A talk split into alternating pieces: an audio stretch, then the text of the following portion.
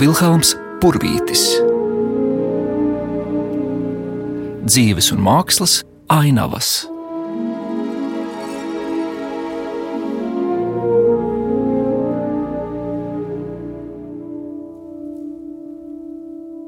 Labdien! Es esmu Kristiāna Abele no Latvijas Mākslas akadēmijas Mākslas vēstures institūta. Un jūsu pētījuma lokā ir arī Vilhelms Purvītis. Vilhelms Purvītis un jau kopš eh, sen, seniem laikiem, kopš studiju laikiem, viņa laikmets. Vispirms citi laika biedri, un tagad tuvu skatījumā arī pats Purvītis. Jaunatklājuma koncentrāts pie skatītājiem un lasītājiem nonāks pēc pāris nedēļām, pirms Jāņiem, kad eh, izdevniecība neputns laidīs klajā diezgan brāvu sējumu, kurā es esmu piedalījusies ar monogrāfisku apcerējumu ainava ar gleznotāju, bet eh, šī sējuma otra un iespējams galvenā vērtība būs albuma daļa, kuru kārtoja Laima Slava liekot lietā gan zināmus, gan tagad jaunatrastus darbus. Topot e, šim izdevumam bija vēlēšanās citu pēc cita apzināt tos mākslas darbus, kas e, uz daudzo purvīša glezniecības zaudējumu fona un neatgrieznisko zaudējumu fona tomēr ir izcēlušies kā izdzīvotāji un saglabājušies, piemēram, dažādos rietumu muzejos, citu Eiropas zemju muzejos, kur tie nonākuši no Latvijas mākslas izstādēm 20. un 30. gados paša Purvīša darbības laikā un viņa izraudzīti un kā šo izstāžu eksponāti, un līdz ar to pieder pie viņa paša augstu novērtētās savu veikumu daļas.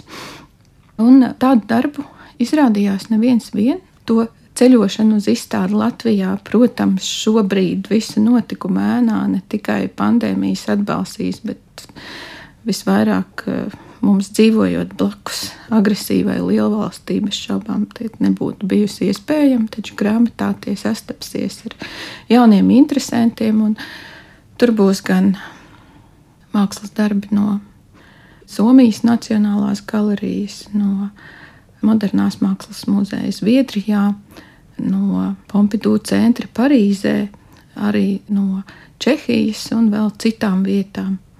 Un tiem blakus arī darbi, kas izrādās ir vadījuši laimīgu privāto dzīvi, projām no plašākas publikas acīm.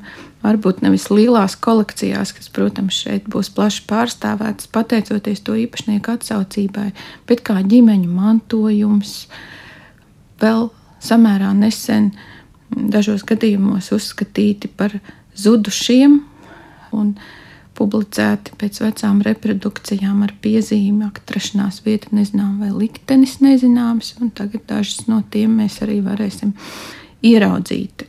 Pa dažādiem ceļiem, un ne tikai manos meklējumos, bet arī pateicoties citu kolēģu atradumiem, vai nejaušām sastapšanās reizēm kaut kur privātā vidē, nonāk arī citi. Un viens no tiem ir nu, jā, ar ļoti lielu, gandrīz vai simtprocentīgu varbūtību bijis Latviešu etnogrāfiskās izstādes eksponāts 1896.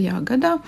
Nu, līdz ar to pirmais Latvijā publiski izstādītais puravīšu darbs - ainava ar laivu jūrmalā. Un to arī mēs grāmatā ieraudzīsim. Un kur tā šobrīd glabājas? Mhm. Kādā ģimenē? Kur tas ir ģimenes mantojums, kur tas nav tāds mākslas tirgus ieguvums, bet eh, kādreiz eh, pirms paudzēm dāvinājuma vai pirkuma ceļā nonācis pie pašreizējo īpašnieku priekštečiem. Vai tie ir jaunumi arī tēmu un uh, rokraksta ziņā? Ne tik ļoti, bet tie katrs papildina faktiski citu tā laika purvīšu glezniecības ievirs.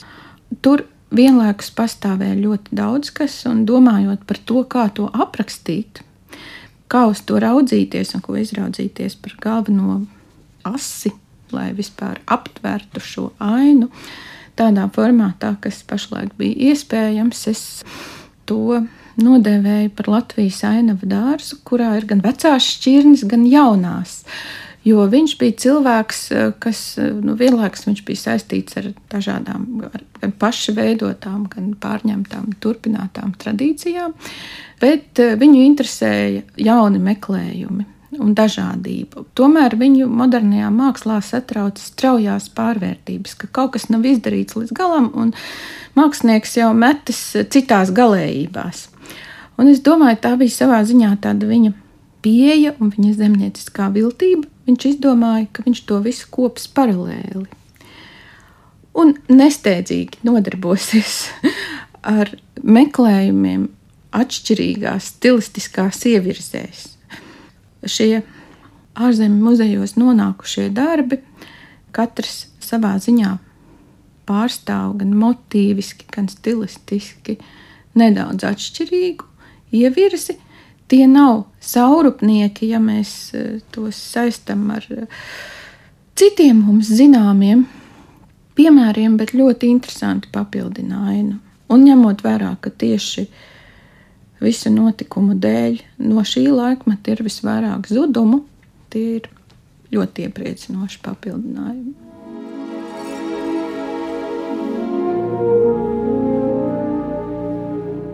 Purvīša pētniekiem, gan tiem, kas darbojas tagad, gan iepriekšējās paudzēs, bijis milzums neatbildētu jautājumu, ko mēģināts uzdot atkal un atkal, reizēm atmetot cerību, tad tomēr atgriežoties. Kristiāna Ābeli dalās stāstā, ko izdevies atklāt.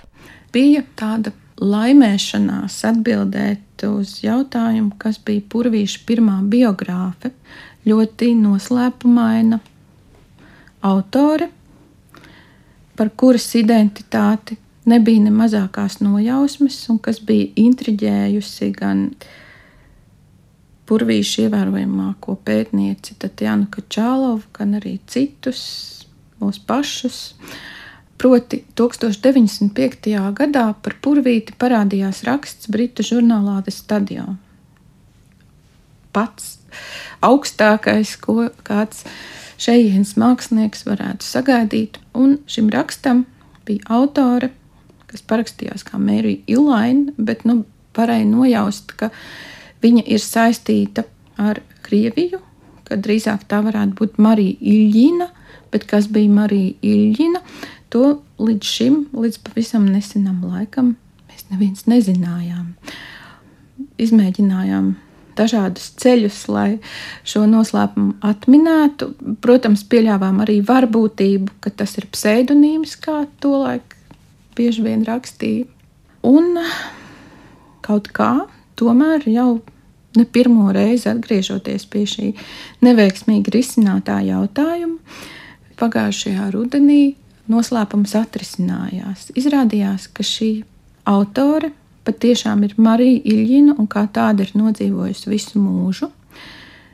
Ka publikācijas tapšanas laikā viņai bija 20 gadu, tikai 20, bet turpmāk viņa vairs nenodarbojās ar mākslas vēsturi un mākslas kritiku vismaz ne publiskā veidā, jo tā paša gada rudenī viņa kļuva par ķēzarienes Aleksandras galmadāmu. Tāpat kā savulaik viņas māte un tur vēl citas dzimtas sievietes, bet eh, ar purvīti viņa varēja sastapties eh, gadsimta mijā kā jauna meitene, kas eh, būdama no nelielas muižas Kaunas guberņā, kas piederēja viņas tēvam, ģenerālim, kādu laiku dzīvoja un skolojās Rīgā, kaimiņos. Purvīša toreizējā adresē Nikolai, tagad Valdemāra ielā, un acīm redzot, nu, tur veidojās kāda saskara, droši vien, ka viņa mācījās kā privāta skolniece, un tad liekot lietā savu jau izsmalcināto anglofīliju, jo viņas noslēpums atklājās tādā ceļā, ka viņa un māsa bija rakstījušas korespondences dažādiem eh, britu žurnāliem. Sākumā vēl kā jaunas meitenes, kas meklē vēstuļu draugus, un pēc tam jau par dažādām tēmām, un arī sūtījuši savas fotogrāfijas un tam līdzīgi. Un tā pamazām, pamazām, un tā Nikolai ielas adrese, un līdz beidzot vairs nebija nekādu šaubu, ka patiešām arī Iļņina ir bijusi, bet viņas liktenis un šī saskarsme ir bijusi visai neparasta. Turpmāk ļoti daudzi, faktiski gandrīz visi pētnieki ir atzinīgi izmantojuši šo publikāciju, kas tiešām liecināja par dotībām un arī lielu iedziļināšanos purvīšu mākslā, bet autorības noslēpums palika aizplīvots. Un tomēr jā, dažas no tādiem robežu punktiem un pavērsieniem ir izdevies noskaidrot tuvāk, un salīdzinoši daudz jaunatklājumu noteikti pat uh, labiem purvīšu mākslas zinātājiem atklāsies saistībā ar viņa 20. gadsimta sākuma izstādēm ārzemēs. Tur būs arī Berlīnes, Dresdenes, Minhenes, Vīnes un vēl citu vietu izstāžu atsauksmes, tas vērtējumu un atzinumu lokus, kurā viņa mākslu tolaik ieraudzīja. Un tas mums būs visai glaimojošs, jo nu, varēs uh, spēcināt pārliecību par purvīti kā vienu no laika biedru vērtējumā spožākajiem, smalkākajiem sniega gleznotājiem tālāk Eiropā. Ne tikai tādas nacionāli patriotiskas leģendas veidā, bet apstiprinot to ar skatiem no malas.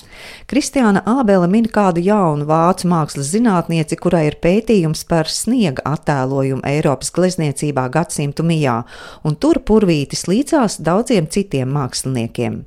Šī ir tikai pietura ceļā ar purvīti, un jaunatklājumi noteikti sekos. Vilhelms Purvītis